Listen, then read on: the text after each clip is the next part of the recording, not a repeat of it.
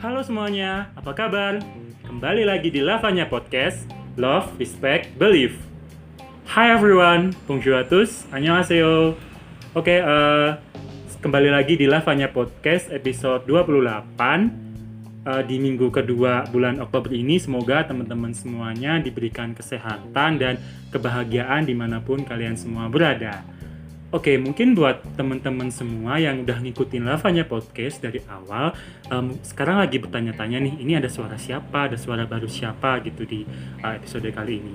Uh, yap, perkenalkan, uh, aku Mas Boy, aku adalah anchor podcast baru di Lavanya yang akan memberikan nuansa baru di uh, podcastnya Lavanya. Oke, uh, senang sekali pada kesempatan kali ini di episode 28 yang juga merupakan episode debut aku di Lavanya Podcast. Uh, aku akan membawakan sebuah topik pembicaraan yang cukup menarik dan cukup uh, populer di kalangan remaja. Uh, yap, untuk episode kali ini uh, aku akan membahas tentang remaja dan overthinking. Nah, pastinya untuk membahas tentang uh, hal overthinking nih, uh, aku nggak sendiri. Aku uh, ada partner ngobrol yang uh, dia ini juga merupakan seseorang yang ahli atau memiliki uh, background pendidikan di bidang psikologis dan tentunya mempunyai pengalaman dan cerita-cerita tentang uh, overthink remaja dan overthinking. Oke, uh, selamat sore Mas Ulu. Ya, selamat sore Mas Boy. Aduh, uh, lama ketemu ya. Iya, ini lama banget gak ketemu. Apa kabarnya nih Mas? Alhamdulillah sehat Mas Boy. Iya. Gimana ya. sendiri? Oh ya, alhamdulillah juga uh, mencoba bertahan di situasi yang oh, seperti ini ya, ya Mas. memang situasi seperti ini memang menuntut kita harus bertahan entah dari segi fisik maupun juga mental. Ya, yang seperti banget. kemarin Mas Boy mengirim pesan itu ketika ingin bertanya berkonsultasi tentang remaja dan juga overthinking itu menurut saya adalah topik yang menarik sekali yeah. dan itu memang berrelate sekali dengan kondisi saat ini apalagi saya ya saat ini juga sedang mengajar di salah satu sekolah negeri okay. ya jadi saya juga beberapa menangani tentang hal berkaitan dengan remaja dan juga overthinking seperti itu. Oke, mungkin sebelumnya Mas Ulung bisa perkenalan dulu lebih secara lebih uh, detail sederhana aja tentang Mas Ulung terus kemudian uh, background pendidikan mungkin dan pekerjaan sehari-hari seperti apa. Oke. Okay. Oke, saat ini perkenalkan nama saya Ulung Giri Sutikno, biasa dipanggil Pak Ulung kalau di sekolah. Itu saya e, berasal dari Purbalingga. Saya aslinya Purbalingga. Terakhir kemarin menempuh pendidikan S1 bimbingan dan konseling di Universitas Negeri Semarang. Nah, kali ini e, saya dengan Mas Boy ini juga merupakan relasi yang teman baik ya. Jadi tidak ada salahnya lah kita saling bertukar pikiran ataupun berdiskusi tentang hal yang berbau psikologis sedikit ya karena itu juga salah satu background keilmuan saya yang saya pelajari di Universitas Negeri Semarang.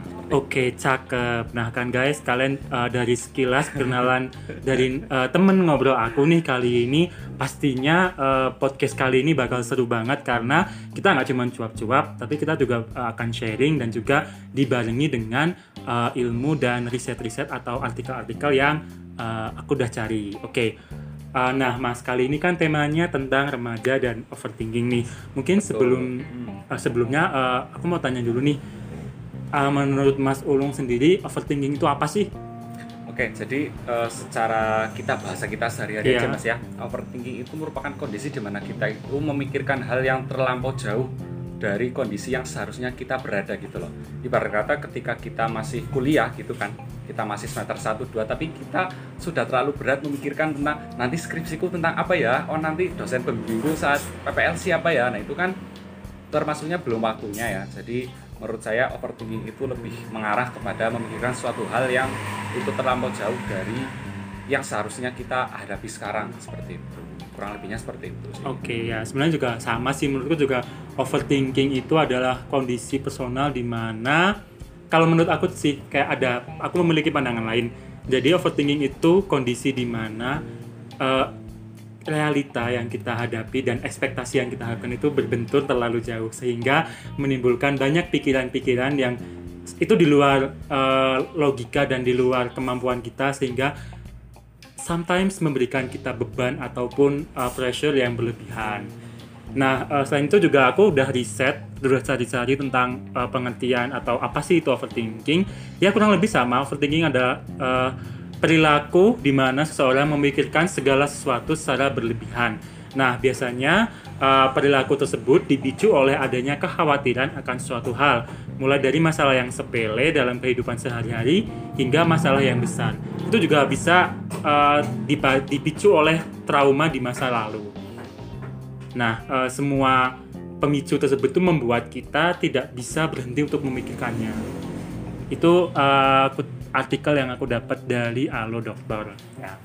Oke, okay, uh, selanjutnya mungkin kita bisa uh, langsung aja nih Mas ngomongin tentang cerita-cerita atau eh, kasus-kasus uh, tentang overthinking yang uh, pernah atau mungkin pernah kita alami atau mungkin uh, Mas Ulung sebagai uh, apa guru PK ya guru konseling hmm. pernah mendapatkan uh, cerita atau ya. situasi dari orang lain atau dari murid tentang uh, overthinking.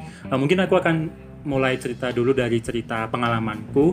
Jadi uh, sebenarnya kenapa aku mengambil tema ini karena kebetulan juga kemarin habis mengalaminya. Oh iya. Di mana uh, aku pribadi merasakan benar-benar uh, berada di titik semua hal sepele itu bisa menjadi beban pikiran buat aku.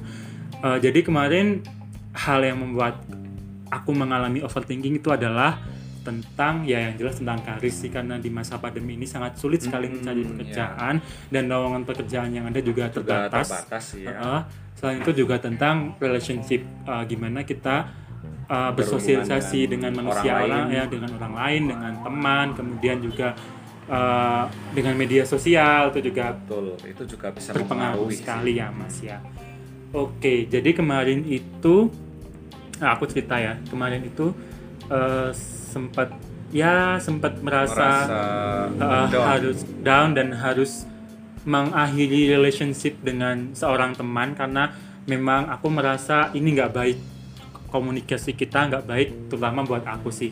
Mungkin aku merasa ya itu ego ego diriku tapi kayak ya aku harus bisa mengatasinya dengan cara aku memutus oh, komunikasi. bukan memutusi membatasi, membatasi ya. ya lebih ke membatasi. Nah selain masalah komunikasi juga karena kemarin ada uh, ya masalah karir itu sih kayak aku apply banyak juga ada yang ditolak terus uh, gak dipanggil panggil interview apa segala macam kemudian di rumah aja diem nah itu membuat pikiran-pikiran itu datang kembali, pikiran-pikiran negatif datang, kemudian membuat pikiran uh, membuat hal-hal negatif itu selalu aku pikirin gitu.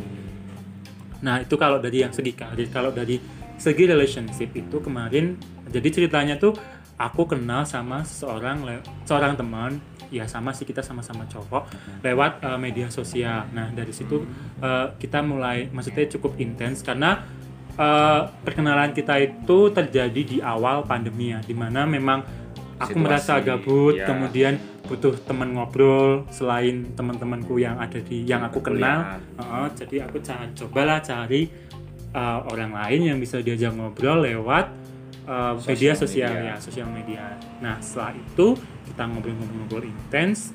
Ada nih di suatu ya awalnya sih biasa, kemudian ada nih di suatu titik uh, aku merasa kok obrolan uh, apa yang dia omongkan itu lama-lama membuatku toksik membuat itu men menurutku uh, menjadikan ya meracuni oh. mindsetku menjadi toksik di mindsetku karena pada saat itu memang uh, aku lagi berada di titik terendah terendahnya mungkin bukan terendah tapi itu berada di titik rendah lah ya mas rendah hmm. yang benar-benar itu tuh down banget ngedown banget membuat aku itu gampang tersinggung, aku itu gampang sensitif. Iya, ya. sensitifnya tuh semakin nambah dan aku itu gampang banget buat memikirkan hal-hal yang gak penting. Nah, uh, setelah kejadian itu akhirnya eh, nggak uh, tahu kenapa ada pikiran yang lewat di kepalaku bahwa kayaknya aku perlu membatasi atau aku perlu break up sama temanku ini agar uh, kondisiku nggak semakin buruk kondisi pikiranku tidak semakin teracuni dan tidak semakin buruk. Nah, maka dari itu aku memutuskan untuk bilang ke dia bahwa kayaknya kita perlu break up dulu karena aku merasa komunikasi kita ini membuat uh, pikiranku jenuh dan menjadikan itu toksik gitu. Nah, dari situ mungkin aku merasa uh, kata-kataku terlalu kasar atau mungkin terlalu frontal ya mungkin. Tapi ya itu harus kulakukan untuk menyelamatkan pikiranku sendiri. Nah uh, setelah kejadian itu kita adalah uh, nggak kontekan selama mungkin dua minggu atau tiga minggu. Nah setelah uh, tiga minggu berlalu itu aku tuh tetap gelisah gitu dalam artian setiap apa pun yang aku lakukan, setiap apa pun yang aku perbuat, setiap apa pun yang aku uh, ingat itu akan kembali lagi ke memori komunikasi komunikasi kita. Karena kebetulan juga uh, memori di komunikasi kita itu sangat dekat dengan kehidupanku gitu. Ketika kayak ya ini namanya juga remaja lah ya mas kayak ngomongin orang gitu biasa gitu. Yeah, yeah. buat bahan obrolan. Nah ketika aku ketemu sama orang yang aku obrolin sama dia atau aku lihat uh, orang yang aku obrolin sama dia di medsos aku jadi keinget lagi sama dia. Nah dari situ kayak aku mulai mikir kayak aku tuh gak gini gitu aku tuh sebenarnya bukan tipikal orang yang mudah mudah tersinggung dan mudah untuk overthinking Over. gitu terus akhirnya uh, aku mengalah men mencoba mengalah uh, bukan mencoba melawan ego egoku kemudian aku mencoba berkomunikasi lagi dengan dia dan uh, awalnya sih sempet sem uh, awalnya agak sulit tapi lama-lama ya bisa nah tapi akhirnya uh, lama kelamaan aku mungkin aku merasa aku mulai bosan karena kita jauh dan tidak bisa bertemu jadi uh, yang di awalnya Baik, hangat kan, kemudian hangat. sempat break kemudian balik lagi. Tapi meskipun itu nggak sehangat dulu tapi kita tetap komunikasi terus akhirnya aku merasa aku menjadi orang yang dingin buat dia. Aku juga nggak ngerti sih kenapa uh, aku bisa berpikiran seperti itu aku bisa bersikap seperti itu aku bisa menjadi pribadi yang seperti itu. Aku juga nggak tahu kenapa. Uh, yang aku rasakan ya karena keadaan ya mas. Keadaan keadaan uh, saat ini. ya keadaan saat ini. Kemudian juga uh, aku merasa nggak tahu kayak lagi benar-benar menjadi orang yang berbeda dan menjadi orang yang dingin sekali. Mungkin Mas Ulun bisa memberikan tanggapan dan apa mungkin sudut pandangnya? Hmm, sudut pandang saya sebagai orang konseling ya itu memang kondisi saat ini memang menimbulkan berbagai penyebab overthinking ya mas ya. Seperti tadi ada karir ada juga relationship ada juga berbagai harapan yang mungkin tidak sesuai dengan ekspektasi kita saat di awal seperti itu Nah, kalau seperti yang tadi Mas Boy ceritakan, itu menurut saya uh, ada keterkaitan suatu permasalahan dengan orang lain, di mana ketika hubungan itu sudah mulai terganggu, itu bisa jadi mengganggu kesehariannya Mas Boy juga. Nah, kalau boleh saya tanya, itu memang uh, seberapa penting sih orang itu untuk Mas Boy gitu? Um, sebenarnya aku juga bingung sih ketika ditanya dia itu seberapa penting buat aku hmm. karena saat itu tuh karena benar-benar uh, kita tiap hari chattingan dalam artian nggak uh, ada satu hari pun tuh aku nggak ngechat chattingan sama dia nah mungkin dari situ aku merasa kayak oh ternyata tuh dalam pertemanan pun membutuhkan adanya privacy uh, batasan. Uh, batasan ya, agar supaya tuh hmm, kita tahu ketika kita ngobrol mana yang perlu kita omongin mana yang enggak gitu. Oke. Okay. kalau dibilang penting nggak penting ya aku aku sih aku menganggapnya penting karena nggak ada sih teman yang nggak penting gitu menurutku. Setiap teman setiap orang punya punya ruang tersendiri di uh, pikiranku di perasaanku punya kotak tersendiri di mana itu memang berbeda-beda tiap orang tiap teman yang aku ya. temui hmm. ya begitu sih mas kurang lebih oh jadi seperti itu ya uh, mungkin uh, terkait dengan hal ini memang ketika kita berhubungan dengan orang lain yang apalagi itu orang yang memang sudah kita anggap penting memang ketika ada perbedaan atau perubahan dari orang tersebut itu memang kita kadang mudah sekali tersinggung ya iya mungkin ketika kita sedang saat down-downnya kita sedang butuh penyemangat kita sedang istilahnya saat kondisi terbawah dan di saat itu juga kita sedang membutuhkan seorang teman tapi ternyata teman itu mungkin ada perubahan yang yang dulunya intens sekali dengan kita namun di suatu kondisi mungkin terlihat tidak memiliki waktu untuk kita. Nah, setelah itu mungkin ketika kita melihat postingannya ataupun melihat dirinya justru juga mengutamakan orang lain, itu juga kadang ada kecemburuan secara sosial gitu. Tidak hanya laki-laki tapi juga perempuan juga kadang merasa seperti itu. Ketika misalnya dalam konteks sederhana aja yang sering ditirakan siswa-siswa ya, itu misalnya ketika sudah bersama-sama bareng, tapi ketika di suatu kesempatan itu dalam satu frame foto itu tidak ada satu orang dan orang itu merasa tersinggung gitu atau enggak membuat grup sendiri tanpa melibatkan orang itu. Oh, nah, itu iya. juga akan melibatkan overthinking yang ini sering sekali diceritakan sama beberapa siswa jadi merasa ih aku kenapa ya kok Mm. kok dia nggak ngajak aku sih. Iya. ada apa sih? Padahal aku biasa-biasa aja. Padahal aku selama ini juga ya oke mereka ngikutin apa yang aku mau dan juga aku juga berusaha menyesuaikan gitu.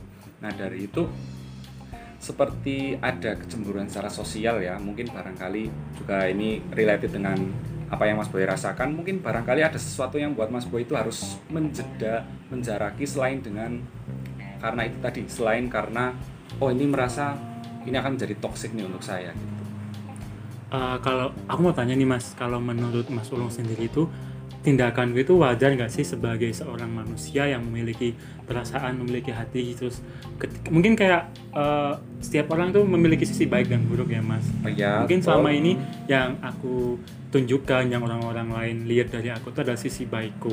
Nah ketika eh, aku berada di sis- eh, Sisi titik yang- down, Iya, Nah down. akhirnya sisi burukku tuh agak muncul dalam artian itu tadi aku bisa selan maksudnya setega itu buat melontarkan atau me, beri- me- ngechat temanku itu buat cut gitu komunikasi kita. Menurut Mas tuh itu wajar gak sih sebagai manusia? kalau sebagai manusia eh, seperti yang Mas Boy ceritakan ya ini berkaitan dengan privacy ya mungkin barangkali dari itu ada privacy yang mungkin Mas Boy tidak ingin eh, diketahui ataupun tidak ingin dibagikan dengan orang lain. Nah maka dari itu sebelum hal itu terjadi Mas Boy sudah mengekat dulu dan bahkan sebelum menjadi toksik ya. Dan itu biasanya memang tindakan dari naluri manusia itu yang bernama insting untuk bertahan hidup gitu loh. Jadi bisa juga dengan cara kita menjauhi hal-hal yang berpotensi untuk berbahaya untuk diri kita gitu. Kurang lebihnya seperti itu sih kalau dari saya Berarti itu termasuk hal yang wajar yang masih lakukan manusia. ya dibilang wajar ketika ya memang itu kalau privacy ya setiap orang kan punya batasan punya privacy bahkan dalam beberapa orang yang sudah berpasangan dan itu misalnya udah dalam pasangan yang resmi ya itu memang ada privacy yang tidak boleh dilanggar satu sama lain ini kalau dari beberapa cerita orang sebelumnya itu ada yang namanya white lies ataupun sejauh mana sih kita boleh eh, istilahnya jujur gitu untuk ke orang lain. Mhm. Nah, mungkin ada sesuatu hal yang mungkin kita tidak berani jujur untuk dikatakan ke orang itu sekalipun orang itu terdekat kita. Nah, jadi dengan hal itu wajar sih ketika kita bisa membatasi untuk untuk tidak memberikan info yang lebih dan juga untuk menahan diri kita dari ya mungkin ada suatu ketakutan ketika kita menceritakan hal itu dan orang lain mengetahui hal itu gitu. Hmm, berarti memang ya Jadi eh, memang ya bisa bisa juga dikatakan wajar ketika itu memang sesuai dengan apa yang dibutuhkan gitu loh. Jadi kalau itu memang sudah mengganggu, tapi kalau itu sudah mulai mengganggu untuk diri sendiri maupun orang lain, nah itu mungkin perlu ada koreksi. Iya, itu. karena itu tadi memang eh, yang seperti yang aku sampaikan tadi bahwa aku mengambil tindakan itu untuk menyelamatkan diriku sendiri. Nah untuk itu namanya insting bertahan. Iya. Eh, pikiranku sendiri bahwa ini aku harus stop di sini. Iya. Mungkin Ya. itu eh, sekilas satu contoh atau satu kas satu cerita dari aku mungkin dari Mas Ulung sendiri ada eh, mau Cerita cerita atau sharing tentang gitu? remaja dan overthinking. Oke, berkaitan dengan saat remaja ya waktu itu ya. Hmm. Ya waktu itu mungkin masih remaja saat eh, ini masih yang masih nancep banget ini ya Mas ya. Ini saat di dunia perkuliahan. Oke. Jadi memang saya dari eh, wataknya itu memang ketika saya tes kepribadian itu memang saya tipe pemikir. Hmm, Jadi mungkin bisa mengalami overthinking juga. Iya. Nah, saat itu saya ingat banget saat masih ya remaja akhir lah gitu, saat masih semester awal di perkuliahan itu saya memiliki kebiasaan yang berbeda dengan teman-teman yang lain gitu loh. Di saat misalnya kita pergi ke perpustakaan. Nah, ketika teman-teman yang lain lebih memilih buku yang mereka sukai, misalnya buku tentang eh, ya tentang Novel. novel ataupun tentang bacaan-bacaan yang mungkin untuk mengerjakan tugas dan Iya. sebagainya. Nah, saya waktu itu enggak entah kenapa itu lebih terpikirkan ke mengambil skripsi gitu loh. Wow, ambis ya orangnya. Ya habis juga nggak terlalu orang orang pas itu juga waktu masih nugas kan. Nah, Hmm. waktu nugas aja itu udah wah lumayan banget mas tugas kuliah itu rasanya kan itu kondisi yang sangat jelek sekali Iya. kalau istilahnya bisa jelek karena di SMA Dari SMA itu ke kita jarang kuliah. tugas Ah, kan, bener banget. jarang mau tugas sekalipun ada tugas pun ya kita bareng dengan teman Hmm. karena yang namanya kekompakan kan seperti itu nah ketika di perkuliahan itu kaget banget itu benar-benar culture shock dan itu membuat saya kadang juga overthinking nanti skripsinya kayak apa ya gitu nanti skripsinya saya ambil apa ya kalau variabel ini sudah banyak nanti saya kebagian apa ya gitu nah itu kan menurut saya setelah beberapa tahun berikutnya itu saya baru analisis oh ternyata dulu saya pernah mengalami overthinking ya gitu. jadi memikirkan sesuatu hal yang memang itu belum fasenya gitu kan. Nah saat itu teman saya tuh sampai bilang lu kamu itu masih semester 1 kita tuh masih masih jauh lah santai aja kali gitu kan. Tapi saya itu masih tetap kepikiran gitu loh nanti akan seperti apa ya gitu. Dan jujur itu membuat saya itu ya sempat galau juga kan nah yang namanya mahasiswa galau. Kemudian nantinya akan seperti apa kadang juga timbul cemas gitu loh Iya. Nah kebetulan kan saya juga mengerjakan waktu itu tugas eh, ada yang namanya tugas kesehatan mental. Nah dan di situ memang ada beberapa misalnya kita mengerjakan tentang ciri-ciri kecemasan ataupun ciri-ciri anxietas. Nah seperti itu. Oh iya ada cara mengatasinya seperti ini. Nah itulah eh, beruntungnya saya misalnya ya beruntungnya saya berkuliah di bidang yang menggeluti dunia psikologi seperti itu. Jadi sembari kita berkuliah, kita juga bisa mengupgrade skill kita gitu loh. Bagaimana untuk coping dengan hal itu gitu. Dan menurut saya untuk overthinking ini juga bisa juga menyebabkan hal yang negatif, tapi di satu sisi juga ada hal-hal yang bisa bersifat positif Oh. seperti itu.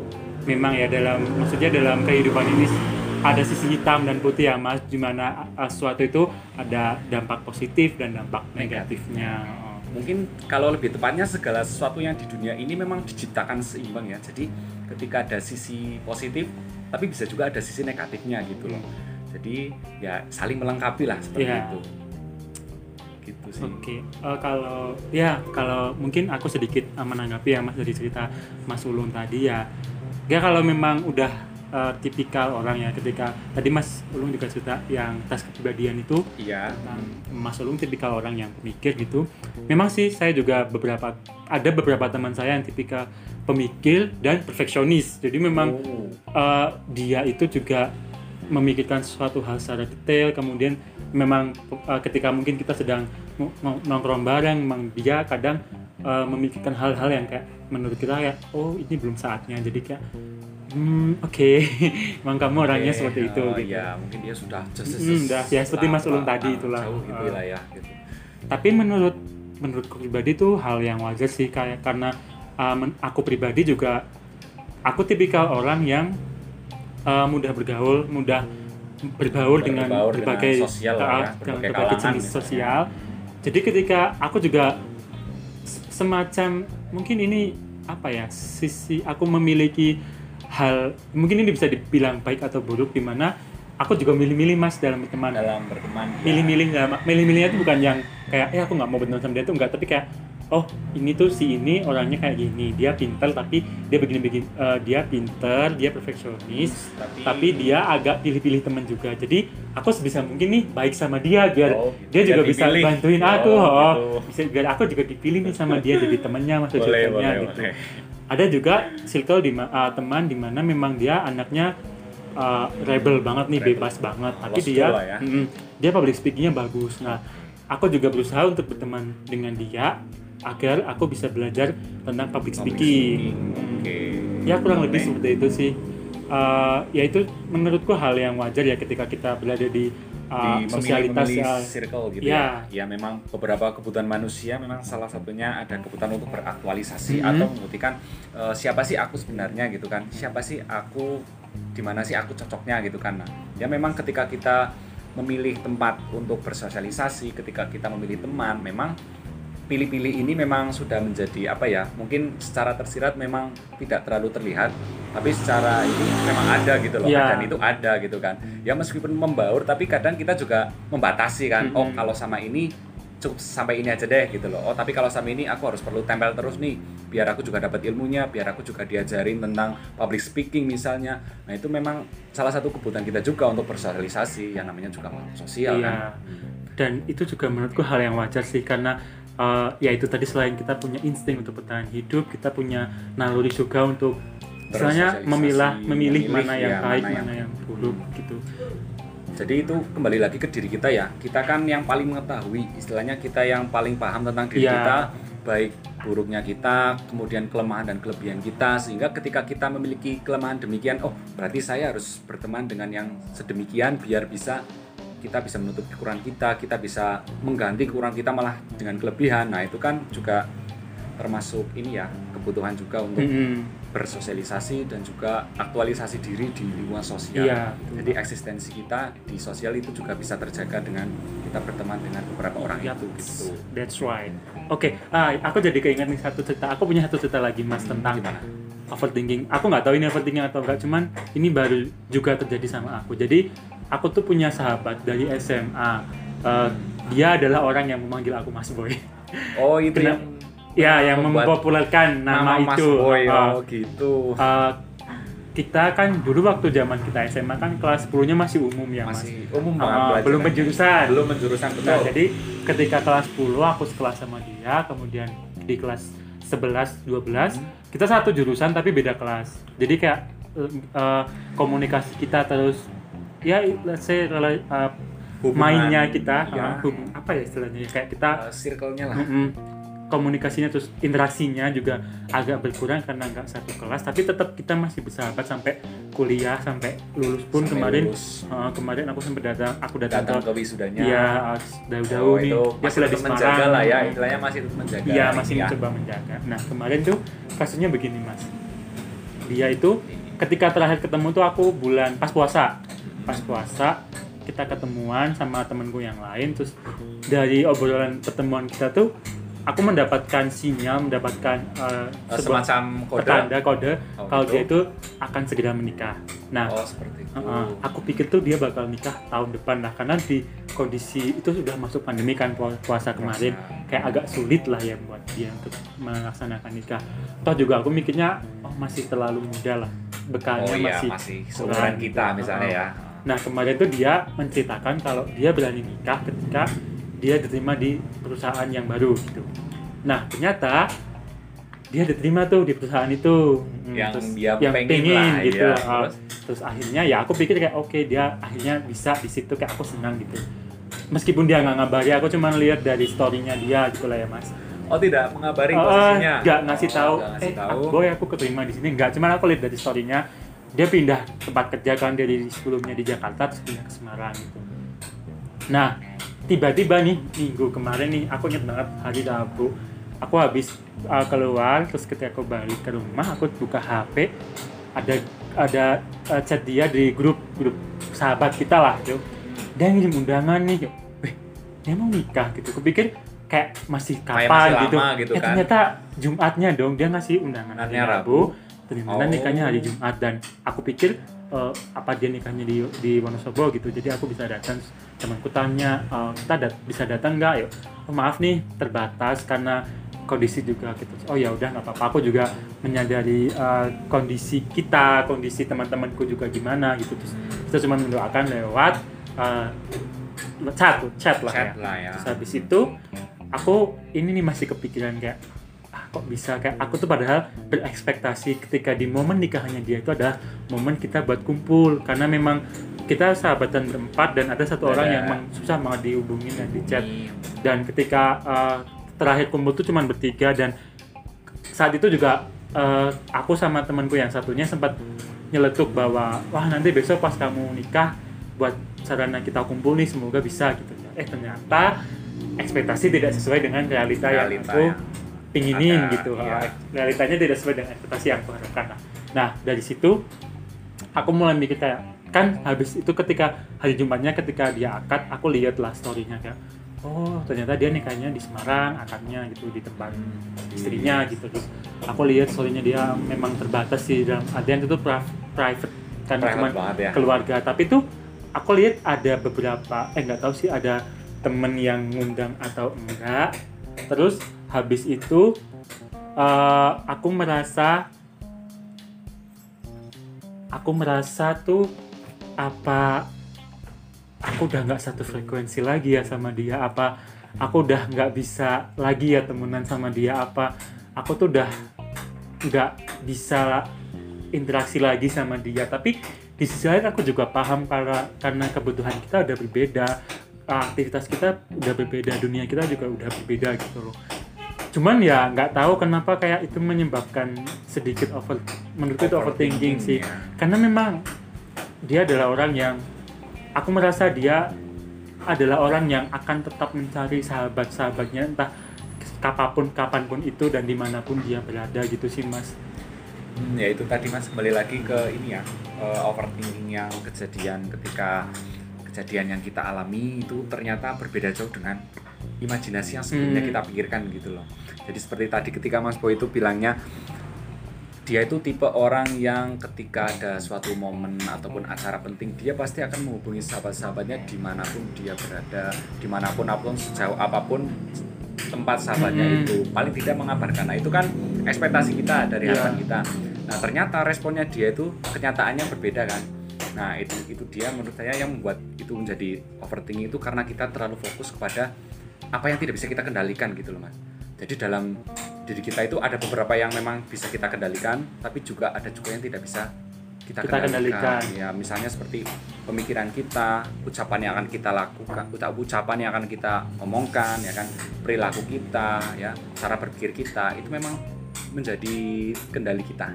Nah tapi untuk respon orang lain perilaku orang lain tindakannya orang lain dan juga cara pandang orang lain itu di luar kendali kita Nah, Oh. ketika kita terlalu fokus kepada apa yang di luar kendali kita, itu cenderung mudah sekali untuk overthinking.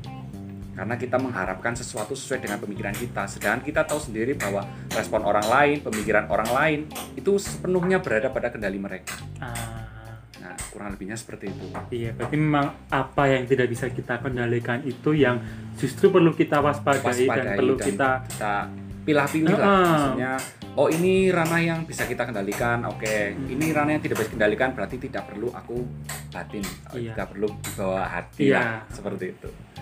Oke ya, menarik sekali ya. Memang Hmm. aku juga merasa dari beberapa kasusku overthinking ini membuatku menjadi berefleksi diri sih mas. Oh aku tuh seperti ini, seperti, seperti ini. Bahwa memang ya aku juga tidak bisa memungkiri waktu semakin berjalan dunia tetap berputar, Tetap orang berputar, berubah, berubah ya kebutuhan kan? Nah, mereka juga berubah. Nah, berkaitan dengan refleksi diri nih ya Mas ya, mungkin bisa juga dibagikan untuk sahabat-sahabat di sini Hmm. yang kemarin refleksi diri yang Mas Boy lakukan itu yang seperti apa gitu loh. Oke, nah uh, mungkin kita masuk ke topik selanjutnya itu tentang sisi positif Sisi nih positif mas. Nah, lah, oh iya dari ini, overthinking. oke. Nah, menurut aku pribadi nih, uh, overthinking itu juga mempunyai dampak positif, Positif. untuk kita, untuk manusia. Uh, yang aku rasakan adalah yaitu tadi aku bisa, aku jadi lebih berefleksi diri, aku lebih uh, mengaca kepada diri sendiri bahwa uh, aku tuh ternyata nggak selama, selama ini tuh ternyata aku nggak sebaik yang aku pikir dalam artian uh, aku juga mengalami hal-hal yang nggak mengenakan, mengalami hal-hal yang buruk. Nah, maka dari itu membuatku menjadi uh, berefleksi nih kayak oh aku tuh kenapa sih aku bisa mengalami hal buruk itu? Mungkin karena aku terlalu pemikir atau mungkin aku terlalu sensitif orangnya. Sensitif. Aku terlalu mudah membantu orang lain. Menurutku juga itu membuat salah uh, kadang menjadikan hal yang merugikan ya mas buat kita ketika kita terlalu mudah untuk membantu orang lain sih Misalnya eh, mengiyakan Iya, semua orang. iya kan. Oke.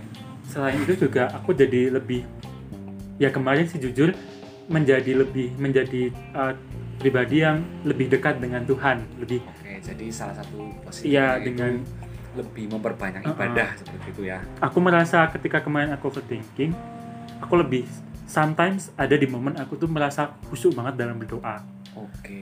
ya Hmm. mungkin itu eh, ya nggak tahu sih ini hal yang patut untuk diomongkan atau enggak cuman aku sharing aja hal positif apa yang aku aku rasakan ketika Rasakan, kemarin mengalami overthinking. Nah yang jelas tuh tentang itu sih. Aku lebih bisa untuk merefleksi diri dan aku lebih gampang untuk eh, sadar diri dan berkaca kepada diri sendiri gitu mengkoreksi diri sendiri.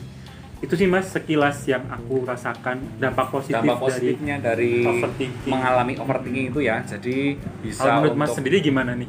Eh, kalau menurut saya ya dari overthinking itu yang pernah saya alami ya. Oke, contohlah tadi yang terkait dengan skripsi gitu kan.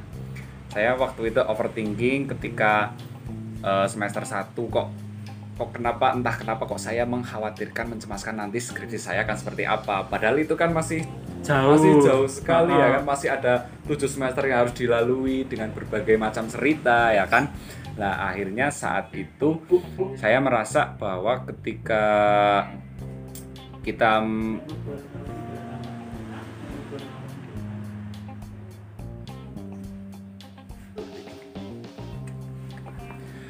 bahwa ketika kita mengalami overthinking justru ada sisi positifnya sih kalau menurut saya yang saya tangkap ya. Sisi positifnya terletak pada kunci ketika kita bisa pertama mengendalikan, yang kedua bisa menjadi lebih tahu untuk untuk ke depannya. Nah, contohlah tadi ketika mengerjakan skripsi, ya, eh belum mengerjakan skripsi, maksudnya ketika overthinking tengah, Mhm. tentang skripsi itu. Nah, dari overthinking itu, ya, saya menjadi pribadi yang lebih misalnya ketika ada perkuliahan saya jadi lebih berpikir oh iya nanti ini adalah perkuliahan yang penting dan ini akan menjadi bahan saya untuk menyusun skripsi. Maka dari itu saya duduk di depan ya agar bisa menyerap ilmu lebih banyak dan juga kalau ada teknis misalnya file dari dosen itu aksesnya mudah Hmm. dan itu biasanya memang saya yang paling pertama untuk ditunjuk seperti itu Oh, oke. jadi pengalamannya bisa lebih banyak dan dari itu saya merasakan agak mudah ya ketika kita menyusun skripsi, ketika saya sendiri menyusun materi ataupun bahan-bahan untuk menunjang skripsi itu saya merasa lebih ini lebih enak aja gitu loh Hmm. dan nggak se overthinking yang saat semester 1 Oh, gitu ya iya. oh ternyata ketika skripsi itu setelah melalui semester demikian demikian saya mendapatkan ilmu yang juga upgrade lagi dan untuk mengerjakan skripsi itu bisa lebih mudah gitu Hmm. nah jadi eh, menurut saya sih seperti itu ya mungkin teman-teman yang lain juga beda tapi itu sih yang saya dapatkan ketika kita overthinking itu secara tidak langsung kita dilatih untuk yang namanya trade analysis atau kita menganalisis dari kemungkinan terburuknya itu apa. Kalau yang tadi contoh skripsi, ini yang contoh saya saat mendaki, itu saya juga pernah overthinking ketika ini pendakian pertama saya dan saya belum ada pengalaman tentang mendaki, pendaki ya kan? Langsung di gunung yang lumayan yaitu Gunung Merbabu lah kalau oh di wow. di Magelang itu kan. Saya dulu ingat banget lewatnya di Boyolali. Itu ketika itu saya sempat overthinking ketika dalam satu rombongan memang saya cowok sendiri. Hmm, jadi saya membawa beberapa teman yang perempuan juga dan juga ada juga sih cowok tapi itu senior dan itu berangkat lebih dulu kan. Nah itu yang rombongan itu saya cowok sendiri dan di situ saya overthinking